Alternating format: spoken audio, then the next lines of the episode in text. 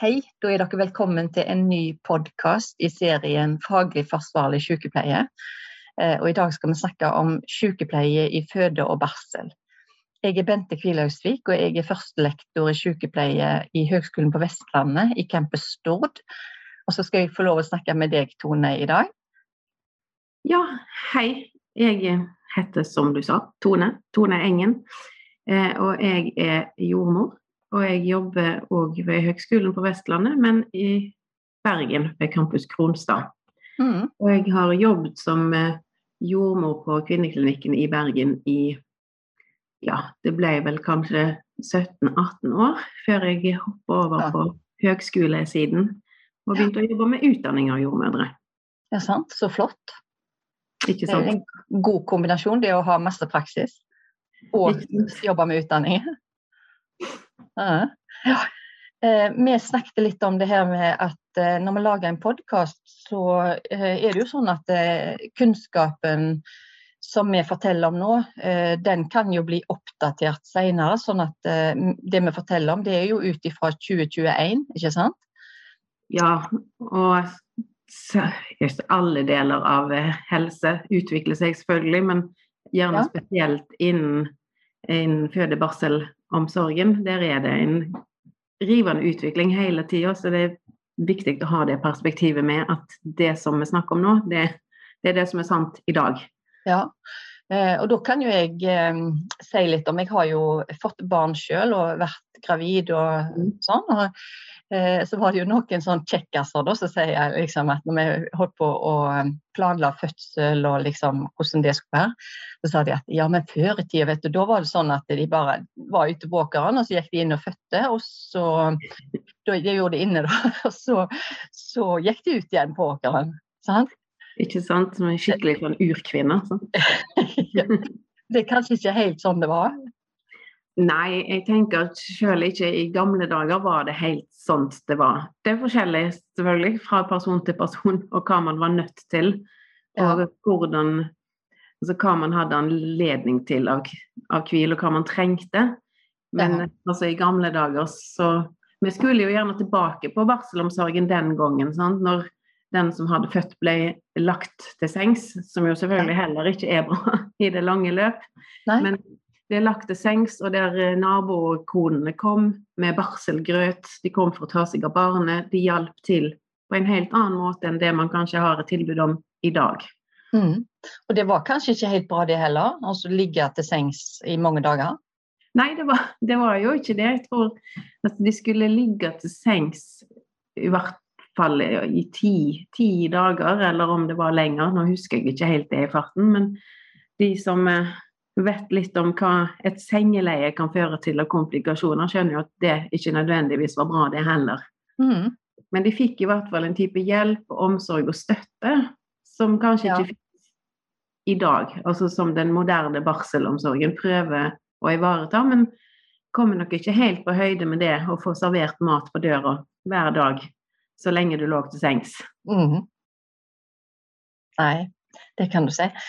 Um, ja, så får vi se eh, når vi snakker i lag nå, så får vi se hvordan det kan være i dag. Ikke sant? Eh, men det, det, du har nevnt litt om, da, Tone, det er det her med å ha et salutogent perspektiv. Eh, du har også snakket noe om demedikalisering. At det er et perspektiv en har innenfor føde og barsel.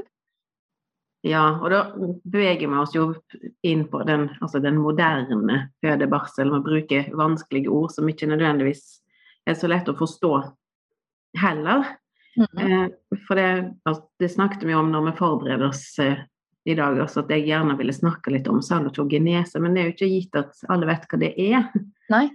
Eh, og det å ha et salutogent perspektiv handler om at man må se på hva som gir helse, heller enn mm. det å ha utgangspunkt i patogenesen, som handler om hva som gir sykdom. Så handler det altså salutogenese om det motsatte. Mm. Og det handler òg om å finne hva er det som kan gi meg en opplevelse av at jeg kan forstå hva som skjer med meg. For hvis jeg kan mm. forstå hva som skjer med meg, så vil jeg ha større evner til å takle det jeg står i. Mm. mm. Og at det er det det handler om, det med å drive altså helsefremmende arbeid. Og gi folk muligheten til å forstå hva er det som skjer med meg, hvorfor er det sånn, Mhm. og hva skal til for at jeg skal kunne mestre det. Mm. Og så en opplevelse av sammenheng og en følelse av mestring som avhenger litt av hva slags ressurser jeg har. Mhm. Det var så kort om saltogenese. Det er en veldig stor teori som selvfølgelig Ja, da, vi kunne jo ja. Ja, vi kunne gått langt inn på den, men vi trenger ikke gjøre det. Men det handler iallfall om å, å skjønne sammenhengen og, og oppleve mestring. Ikke sant? Så kan man si at ja, all sykepleie handler vel til en viss grad om det, men den er nok kanskje mer farga av det her medisinske og patologiske synet. Sant? Hva er det som gjør at jeg er blitt syk? Mens jeg vil se på hva er det som gjør at jeg kan beholde den helsa jeg har, og kanskje forbedre den. Mm. Og da snakket du om det med demedikalisering. Mm. Og en føds, den moderne fødselsomsorgen, eller svangerskap, fødsel og barselomsorgen, skal være demedikalisert. Ja. Og i det ligger det at man skal bruke så den lavest mulige grad av overvåking og medikamenter og helsehjelp. Mhm. Eh, fordi at å gripe inn i noe som man kanskje ikke trengte å gripe inn i, Mhm. gjør ikke fødselsutfall bedre for mor og barn. Tvert imot. Så hvis jeg gjør en masse ting for sikkerhets skyld, så blir ikke mor og barn friskere av det. Tvert imot.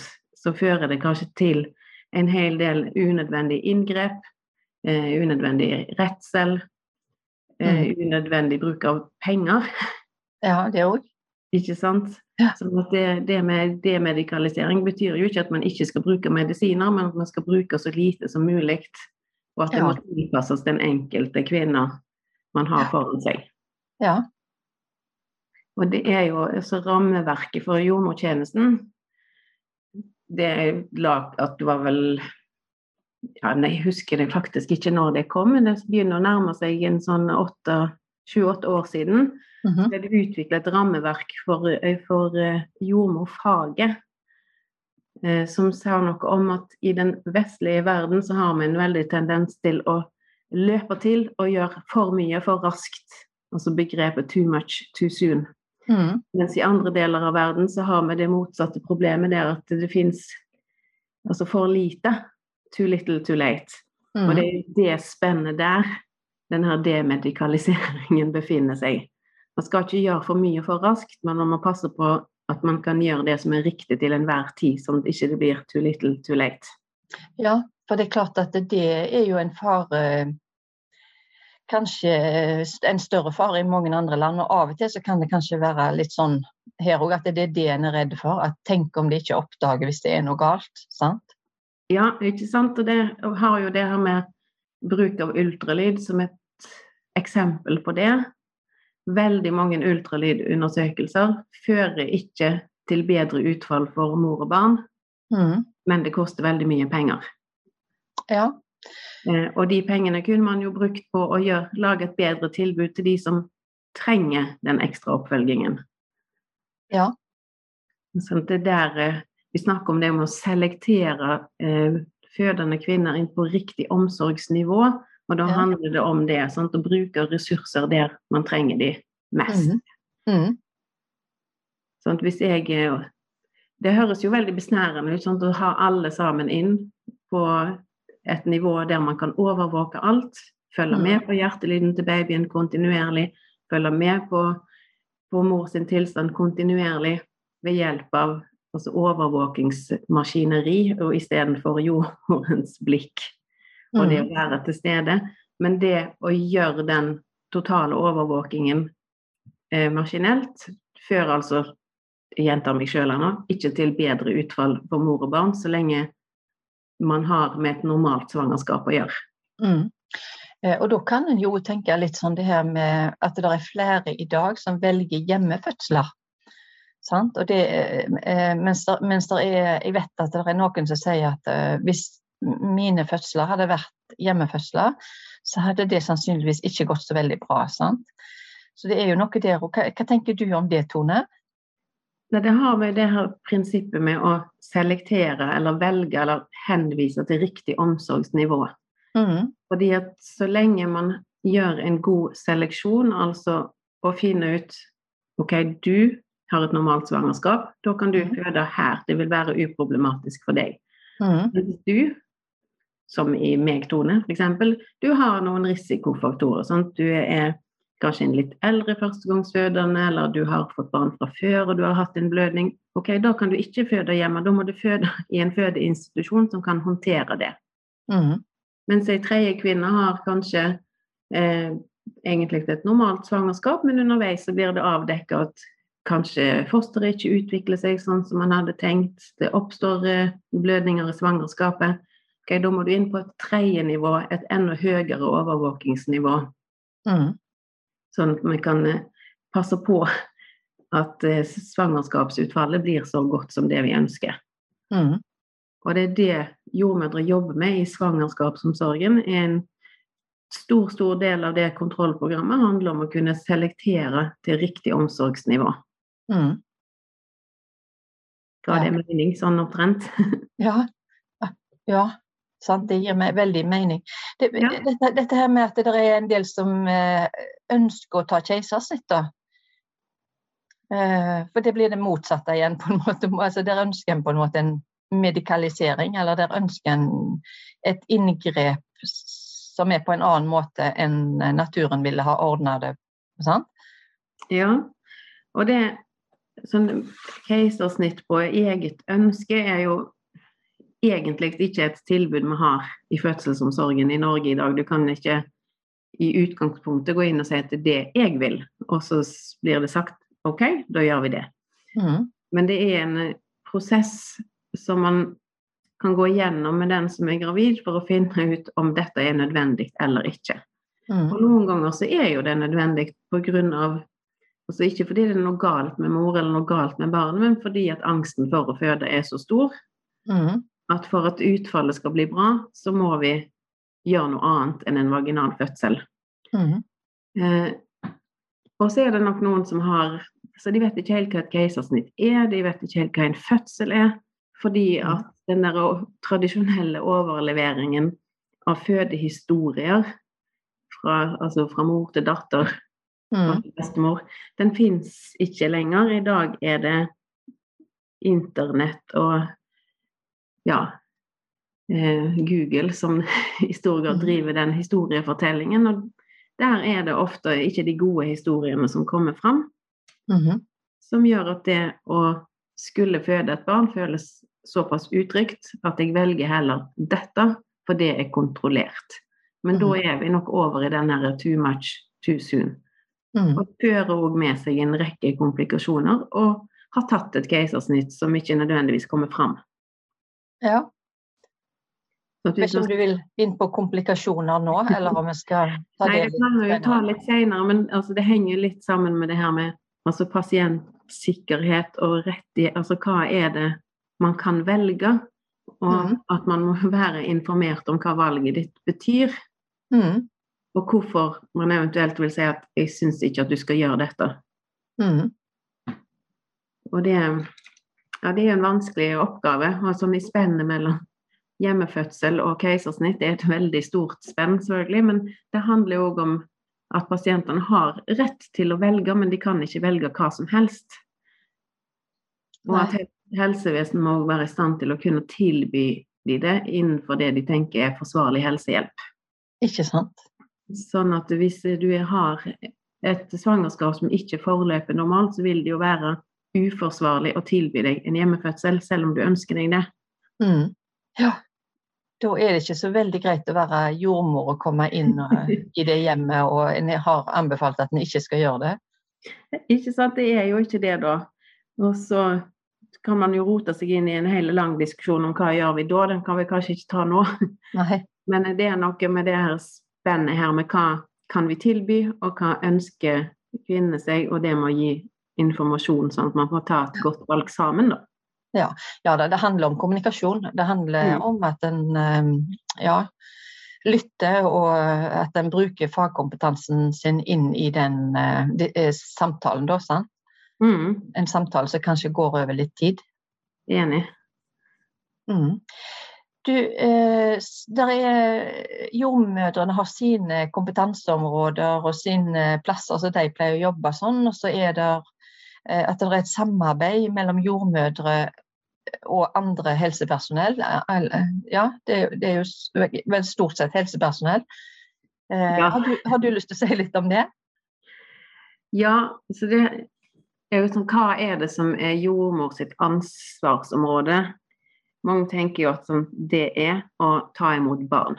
Mm. Og så sier jeg at det er egentlig en ganske liten del av jobben min. Akkurat den, eh, det øyeblikket når barnet fødes og blir løftet til mor, det er en veldig liten del av jobben eller det ansvaret som jordmødre har. Mm. Det er gjerne det vi pleier å kalle for eh, altså medaljen, eller det mm. som er eh, det som er premien vår òg, å få lov å være med på det. Men jordmødrene jobber jo med mange andre ting. Mange jobber i svangerskapsomsorgen, Mm. som vi har så vidt vært innom.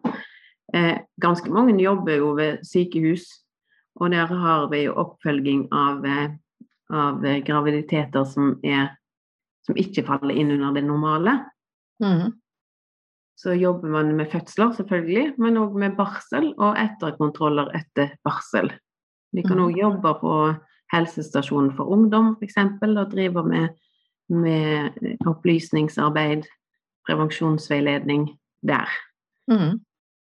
Men jordmødrene sin, sitt ansvarsområde innen svangerskap, fødsel og barsel handler om å ivareta de som har normale forløp, eller friske kvinner som forventer friske barn. Mm. De kan jeg som jordmor ta meg av. Jeg Mm. på å si helt alene, jeg mener ikke det, for man gjør det jo fortsatt i samarbeid med andre. Men, men Mm. det er mitt ansvar. Så hvis jeg har eh, er gravid, så kan jeg følge henne gjennom hele svangerskapet. Hvis jeg i Mm. tillegg jobber ved fødeavdelingen, så kan jeg ta imot henne når hun kommer dit. Mm. Følge henne opp gjennom fødselen. Forløse barnet, følge henne opp i barseltiden. Uten at noen andre fagpersoner trenger å være inne i bildet der. Så jeg kan legge henne inn i sykehus og skrive ut i syke, fra sykehus etterpå. Mm. tenkte på det òg at eh, en del av eh, jobben der er vel gjerne også Når en har de der fortløpende kontrollene, så, så er vel gjerne litt av jordmorjobben eh, å finne ut når er det ikke helt normalt, og når må jeg ta kontakt med noen andre. Ikke sant? For det er jo det som jeg skulle over til nå. Altså dette Ja. som jeg fortalte i stad, det gjelder bare så lenge alt forløper normalt. Og en viktig, viktig del av jobben til jordmødrene er jo da å kjenne igjen når er det ikke lenger innenfor det som er normalt. Der har vi jo definisjoner på det, selvfølgelig. Jeg vil ikke gå inn på de nå, for de, er, de veksler litt og kan være litt forskjellige. Mm. Eh, Men jeg må kunne vite når er ikke dette lenger mitt ansvar, når skal jeg overføre denne kvinnen til et Mm. annet kompetansenivå, Mm. f.eks. da til lege eller sykehus. Mm. Og vi samarbeider jo tett med lege, altså fastlegene. Mm. Eh, Samarbeider òg med poliklinikkene i sykehus. Jordmødre som jobber på sykehus, samarbeider selvfølgelig med gynekologer og obstetrikere der. Mm. og med barnelegetjenesten. Ja. I tillegg så samarbeider man jo med fysioterapeuter, sosionomer der det er nødvendig, barnevernstjenesten. En del, Ja. ganske mange andre instanser som vi kan trekke inn og hjelpe mm. til. Og helsesykepleier, sa du det? Nei, det sa jeg ikke, men ikke minst helsesykepleier, som jo er de som overtar mor og barn når de ikke lenger faller inn under jordmødrene sitt ansvarsområde etter fødsel. Mm. Ikke sant? Ja. Sånn at når det, opp, når det blir avdekka eh, avvik fra det normale, så er det jo spesialisthelsetjenesten som overtar ansvaret for oppfølging av de gravide. Mm. Men hvis eh, spesialisthelsetjenesten avkrefter mistanke om komplikasjoner eller ferdigbehandler kvinnene, så kan hun komme tilbake til meg som jordmor, så kan jeg fortsette oppfølgingen. Mm. Og så eventuelt henvise på nytt. Ja, Sant? Og, du, du lytter etter fosterlyder, og du tar blodtrykk og måler hvor stor livmoren har blitt. Og, Det er forskjellige ja. sånne ting du gjør. Så gjennom svangerskapet så er det vel går jo de gravide gjennom en hel rekke med undersøkelser mm. som inngår i svangerskapskontrollprogrammet. Mm. Og det er et veldig omfattende program, og det koster masse å drifte det. Det går veldig mange skattekroner til den omsorgen. Ja. Og derfor er det jo viktig å snakke om hva er det som er hensikten med de. Vi var så vidt innom det, sant? og passe på at mm. rett kvinner får rett omsorg til rett mm. tid. Mm. Men det er jo da å kunne identifisere hvem som er friske, hvem som har risiko for komplikasjoner, og gjøre den fortløpende seleksjonen. Sånn at eh, omsorgen kan være helsefremmende. Mm -hmm. Og at vi kan oppdage tegn til sykdom og behandle de. Mm. Vi skal òg forberede til fødsel, familiedanning og foreldreskap. Mm. Eh, og selve kontrollprogrammet som vi har begynt på, er jo lagd egentlig for å utjevne forskjeller. For å utjevne sosiale forskjeller. Eh, ja. Det er den gravide sjøl som henviser seg til jordmortjenesten i kommunen der hun bor. Mm. Alle konsultasjoner hos jordmor er gratis for de som er gravide. Det gjelder jo egentlig alle helsetjenester til gravide så lenge de er relatert til svangerskapet. Mm. Og tjenestene skal òg være lett tilgjengelig. Alle kommuner skal ha en tilgjengelig jordmortjeneste. Ja. Oftest er det ved den lokale helsestasjonen. Mm. Og det at tjenestene er lett tilgjengelige og at de er gratis, fører jo til at alle kan benytte disse tjenestene, og at det kontrollprogrammet har den høyeste oppslutningen av alle kontrollprogrammer i Norge. Det er jo nesten, nesten 100% av alle gravide følger det planlagte kontrollprogrammet. Mm -hmm. eh, men eh, er det sånn at en må, er en plikta eh, å ta kontakt med jordmor eller lege i forhold til graviditet?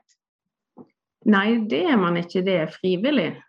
Men, men, det er klart at hvis veldig mange ikke lenger fulgte tilbudet, så måtte vi jo gjøre noe med, med det tilbudet vi hadde. Mm. Og Altså, man kan jo selvfølgelig tvinge alle til å gjøre det, men det er jo ikke så veldig populært å tvinge nei, folk til å gå til kontroller. Men nei, det, er, det, er, frivillig. Men mm. de aller, aller fleste gjør dette så sant de har fått informasjon om hvor de skal henvende seg. Mm. Og for de som har en litt mer anstrengt økonomi enn andre, er jo det òg greit å informere om at det er gratis. Mm. Ja. Så, og det er på den måten sant, at det kan være med å utjevne forskjeller.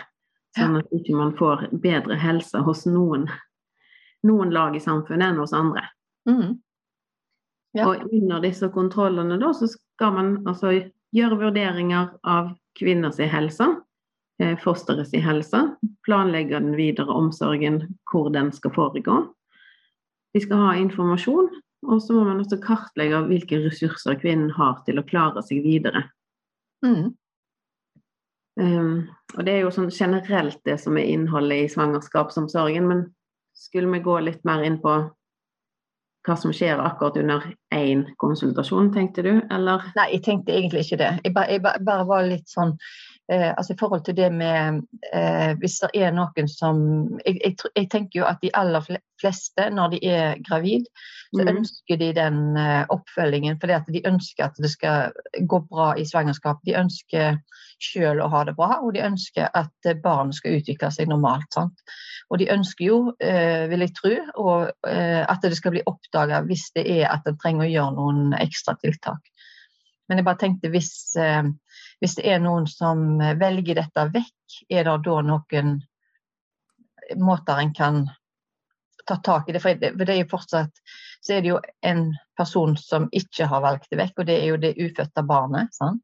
Ja, det er klart at man har altså I tilfeller der det handler om rus, f.eks., mm. kan jo det være kvinner som unndrar seg kontrollprogrammet, eller kvinner som har eh, vært i kontakt med barnevernet, kanskje har det vært omsorgsovertakelse for andre barn. De mm. kan av og til velge dette vekk, sant? for de vil ikke at noen skal vite at de skal ha et nytt barn, for de er redd for hva som kan skje da. Mm. Eh, men de, man kan fortsatt ikke tvinge de. altså Når det gjelder rus, så kan man til en viss grad tvinge fordi man kan eh, legge de inn under Mm. tvang. Men ellers så har man ikke det. Det er mer en sånn å prøve å følge opp. Det hender det går. Så nå kommer vi jo litt på siden av kjerneområdet men- Jo da, nei, men, men, Men det men, det handler om, handler om dialog, sant? det Ja. handler om kommunikasjon, og det handler om Ja. Ja, og det hender av og til en sjelden gang at det kommer brev til helseforetakene om at en eller annen kommune har hatt eh, en gravid som plutselig er forsvunnet. Sant? Så går det ut melding til, eh, til fødeinstitusjonene om eh, å være obs hvis denne kvinnen dukker opp hos oss. Ja. Men det er heldigvis veldig sjelden. Og de fleste er jo utrolig motivert sånn, til å gjennomføre en graviditet som, som legger forutsetningene for barnet sitt altså, Eller som gjør forutsetningene så gode som mulig. Ikke sant? Eh, De, nå er det ikke så mange som røyker lenger, men eh, det å røyke under svangerskapet er det jo ingen som gjør lenger. De legger alkoholen på hylla. Eh, kvinner som er i sånn type rusfri start på livet, slutter å ruse seg. Kvinner som er overvektige, blir flinke til å passe på kostholdet sitt. Så det å Mm. være gravid er jo en utrolig motivator for å endre livsstil. Mm. Og så er det jo opp til oss da å hjelpe dem sånn at de har mulighet til å få det til. Mm. Og òg at de kan fortsette etter at barnet er født. Mm. Ja, det er spennende. Det er spennende å snakke om dette temaet. Ja, det er det. Jeg kjente Nå ble jeg veldig ivrig, men det er ikke det som er kjernen altså, kjernen i, i jordmors arbeid. Er, jo da, det er dette òg, men eh, det handler jo i større grad om å prøve å holde det som er normalt, normalt. Passe på at ikke det utvikler seg komplikasjoner. Ja. Og det gjør man gjennom så fortløpende gjennom både svangerskapsomsorgen og under fødsel og i barseltid. Mm. Eh, men da kanskje gå inn litt på det her Ja. med Ja, for nå har vi snakket en del om liksom, det her med jordmor og ja, fødselsomsorgen i Norge og sånt. Og så eh, var det jo snakk om eh, hvorfor trenger sykepleierstudenter å vite noe om fødsel og barsel? Ja. Um, og det er jo et spørsmål som jeg av og til får når Mm. jeg har undervisning for sykepleierstudenter. Så hvorfor skal vi kunne noe om dette? Det er jo jordmor sitt eh, arbeidsområde. Og, og sykepleiere jobber jo i veldig liten grad innen fødebarsel i Norge. Mm. Og ikke alle studenter får praksis eh, sant, i føde og barsel heller. Nei, altså noen sykepleiere noen plasser jobber i barselavdelinger, men det er ikke så veldig vanlig. Mm. Men jeg tenker at som sykepleierstudent og senere sykepleier, så er det viktig at du vet noe om dette, fordi folk spør sykepleiere om alt mulig hele Mhm. tida. Er du sykepleier? Vet du hva, jeg har sånn og sånn, et eller annet problem, jeg lurer på dette. Det kan være greit å vite noe om hva er det som er greit å svare på. Hva Ja. er det jeg absolutt ikke bør svare på, men henvise videre. Så det handler om det med ja, faglig forsvarlighet igjen, da. Så hva, hvor eh, stopper min kompetanse som sykepleier, og jeg må henvise videre. Men òg det at noen svangerskapsplager er helt ufarlige, og at man lett kan kunne svare på det. Ja. Eh, andre ting er slettes ikke innenfor det normale, og hva skal jeg gjøre da? Mm. Om det var litt eh, svar på det du lurte på. Ja, jeg tror det. Ja. Ja, ja for det, sånn som kvalme og oppkast, så er det jo eh, ganske mange kvinner som opplever eh, at de er kvalme, og at de har gjerne oppkast daglig, eller kanskje flere ganger dag, til dagen. Mm, I start, særlig i starten gjerne, på svangerskapet. ikke sant? Og der Og det kan de jo få spørsmål om, ikke sant? Ja, det kan de lett få. Og det mm. tenker jeg at eh, der er det jo helt greit å kunne gi helt vanlige altså sykepleierråd. Ja. Men hva er det vi pleier å, anbefale folk som sliter med kvalme? De samme rådene kan du gi til gravide, men man skal være litt forsiktig med å anbefale medikamenter, f.eks. Ja eller urter og alt sånt som eh, Ja, eller sånne gamle, gamle kjerringråd. Ja. Så var det det her med Det var anbefalt en periode at alle gravide som var kvalme, skulle drikke bringebærte. Men så er det la et bringebær eh, så ekstrakt av bringebærblader, som det heter på fint, eh, er med på å øke kontraksjoner i livmora. Og det Mm. ønsker man jo ikke nødvendigvis veldig tidlig i et svangerskap, sant? så vil man ikke det. Mhm. Jeg skal ikke si at det førte til eh, prematur fødsel, men, men man skal være litt forsiktig. Fordi man Ja. plutselig har med en helt annen fysiologi å gjøre enn det man er vant til. Ja. Eh, gravide som er trøtte og slitne. Eh, det er veldig mange. Som sykepleier kan du da altså, gi helt generelle råd om Mhm. mosjon, om hvile og om hvordan du skal ta vare på deg sjøl. Mhm. Eh, og så vite noe om at det at man er trøtt, sliten og svimmel, handler om naturlige og fysiologiske endringer i svangerskapet som ikke nødvendigvis er farlige, men som man må ta hensyn til. Ja. Men som sykepleier er det vanskelig å vite altså når er det det er normalt, Ja. når er det det ikke. Ja. Man skal holde tunga litt beint i munnen før man gir eh, altså Jeg snakket om det her med, med mosjon. Og så vet, vet man nødvendigvis hvilken type mosjon som er den riktige for gravide. Ja. skal, altså men generelle råd er som regel alltid greit, men man skal altså tenke seg litt om før man syns for mye, eller mener for mye. ja Iallfall for mye spesielle ting. Ja, nemlig for mye spesielle ting. Ja. Det å være gravid det er jo ikke en sykdom, men det er en, altså en ekstremtilstand for kroppen som eh, gravide kanskje ikke har vært i før. Mm. De vet ikke helt hva som, hva som skjer med dem, og da var jeg inne på det her med å skape en sånn forståelse av sammenheng. Altså, ok, ja, du er sliten fordi du er gravid. Ikke fordi det er noe galt, men fordi at det er tungt for kroppen din. Mm, For kroppen er i en omstilling. Ja, og det å kunne gi en sånn tilbakemelding som sykepleier til folk som er urolig, er jo helt fint. Mm. Og så, Ja. Også i forhold til alt som er spiselig, klart at all mat og alle medikamenter og alt, eh, om det skulle være urtebasert eller hva som helst, eh, Mhm. det har virkninger eh, som kan være veldig bra. ja, Eh, men så kan ting kan reagere med hverandre og sånne ting. Og det er klart, der er vel helsepersonell generelt En er ikke alltid like god på hvilken kost Altså hvilke matvarer som virker sånn og sånn heller. Eh, nei, og det hvordan det virker i lag med eventuelle legemidler og ja.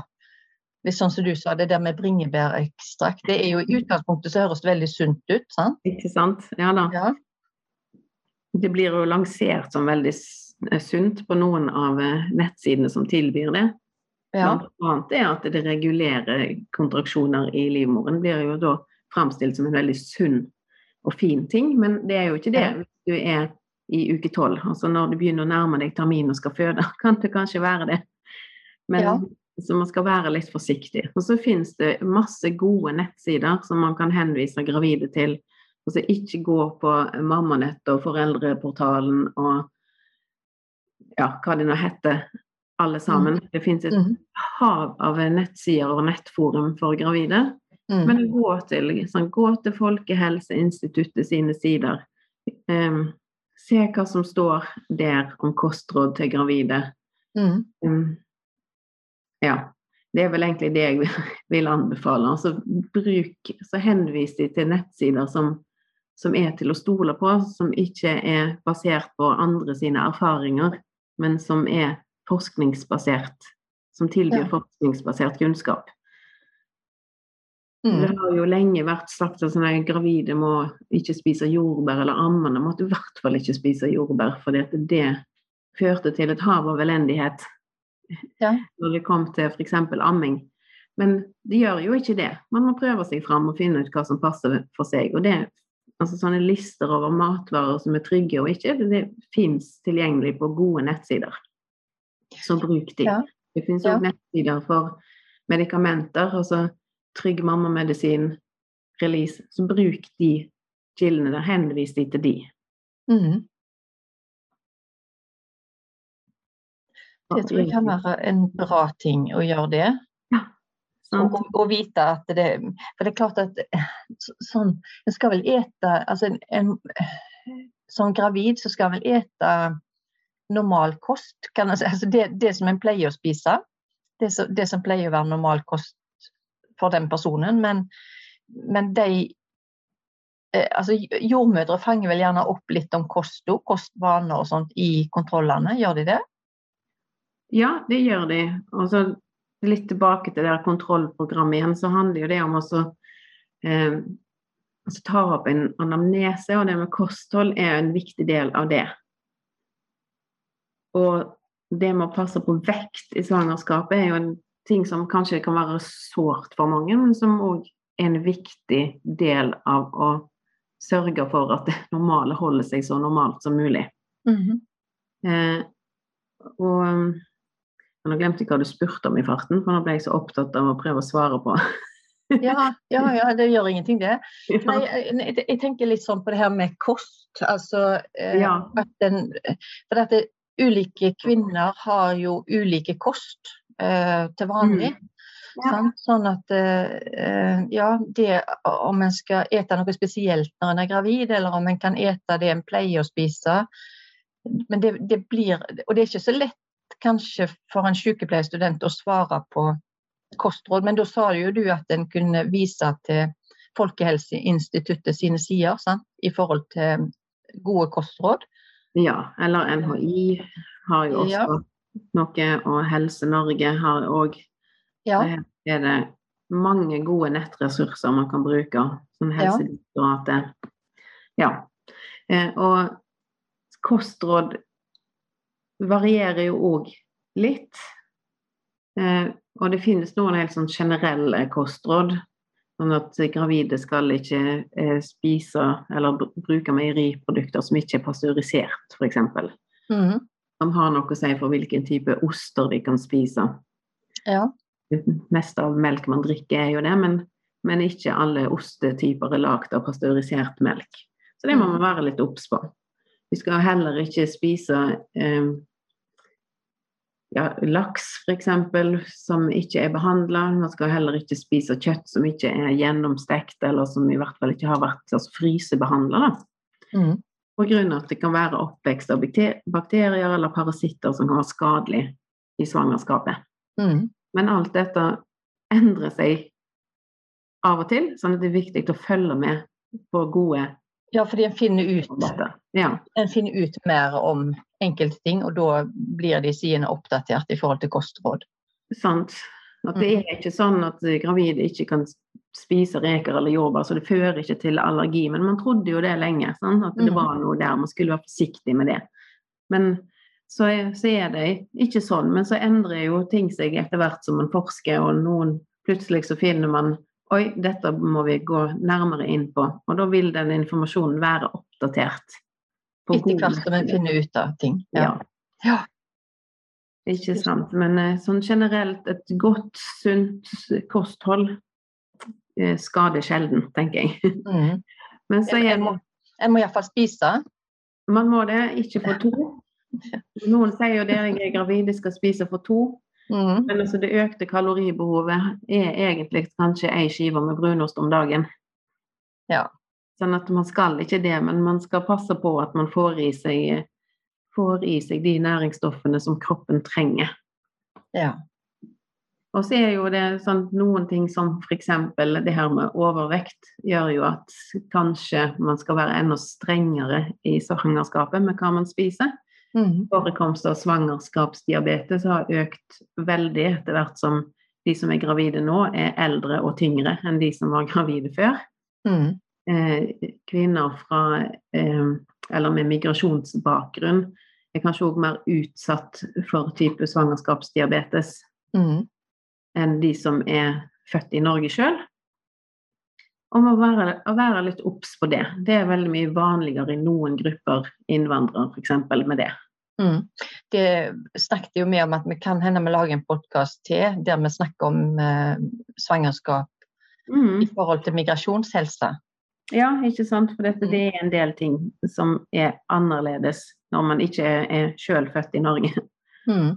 Som kan være verdt å ta fatt i. Men altså som sykepleier, så vil jeg si at sånn hovedregel eh, Generelle folkehelseråd om mosjon og mat kan man gi, men man skal òg sørge for å vise de som spør deg, til gode nettressurser, og ikke overlate de til doktor Google.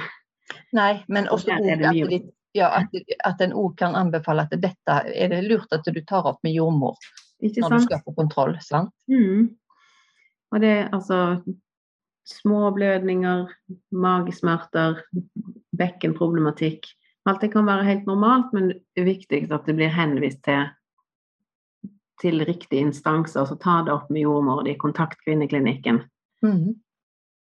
Fordi at selv om mange ting høres veldig ufarlig ut, og som oftest er det, så skal man jo passe på hvilke råd man gir hvis man Mhm. beveger seg over i en annen yrkesgruppe sitt kompetanseområde. Da. Mm. Ja.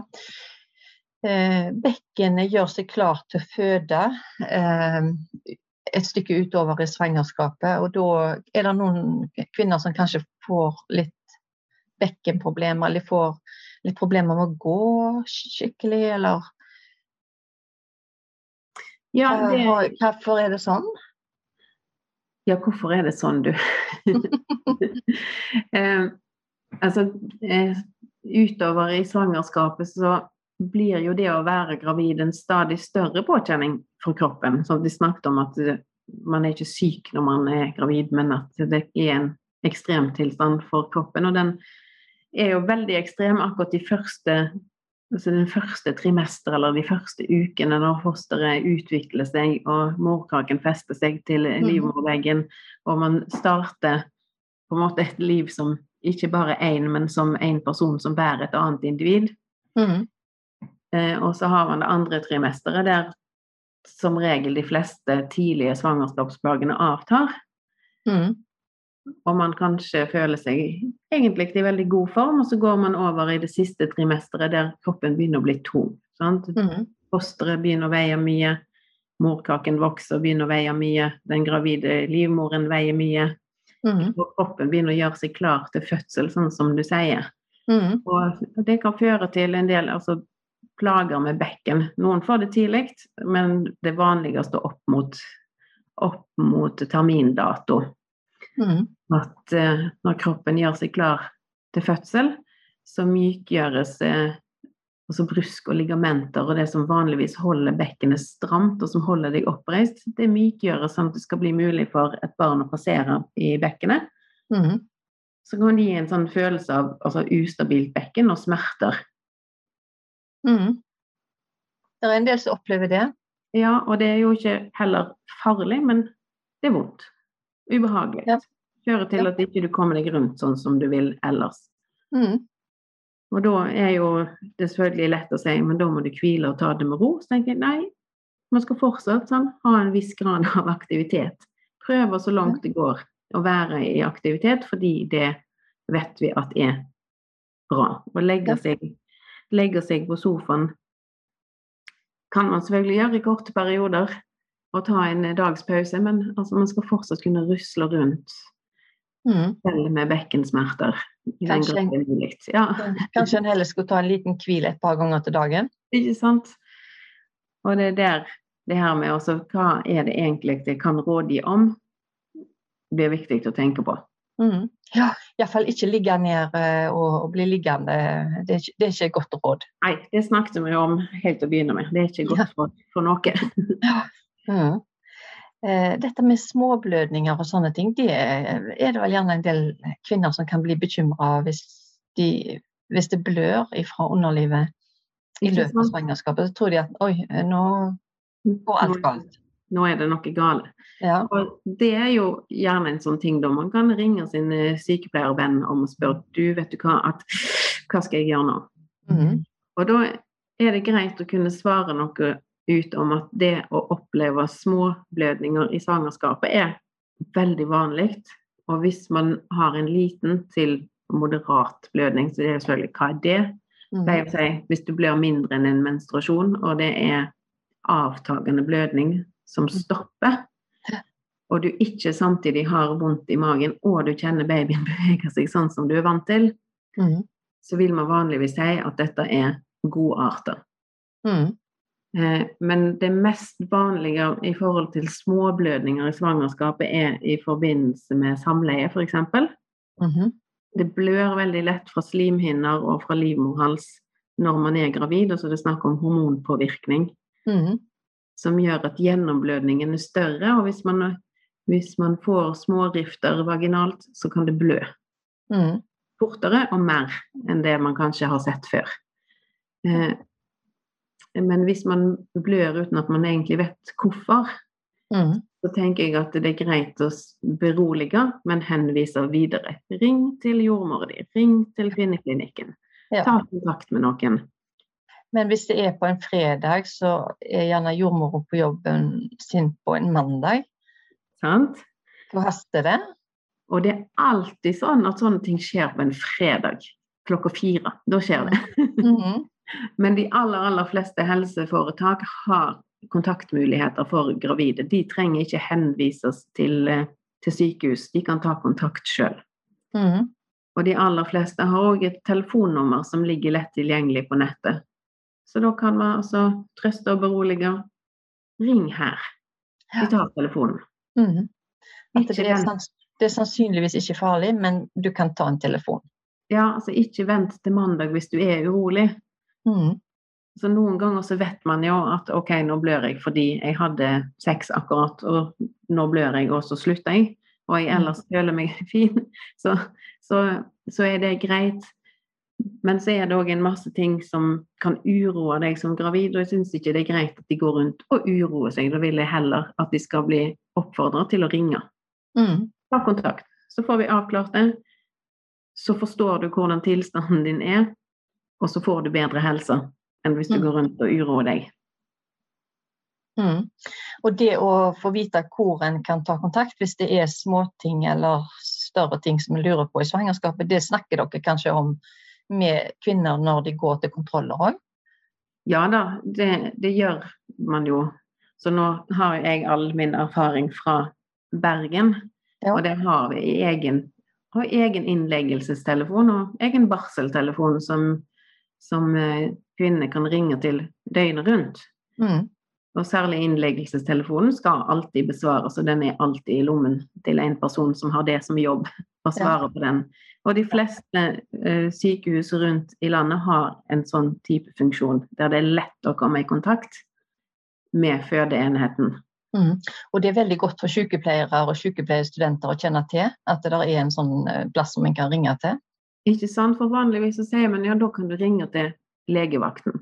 Ja. Og ære være legevakten, de kan svare på masse, men av og til så er de litt på gyngende grunn når det kommer spørsmål som dette. Så da vil vi egentlig helst at de skal ringe til, eh, ringe til en fødeavdeling eller få snakke med en jordmor Mm. som kan henvise de videre. Og kanskje er legevakten riktig sted å dra, men da vil man kunne diskutere det.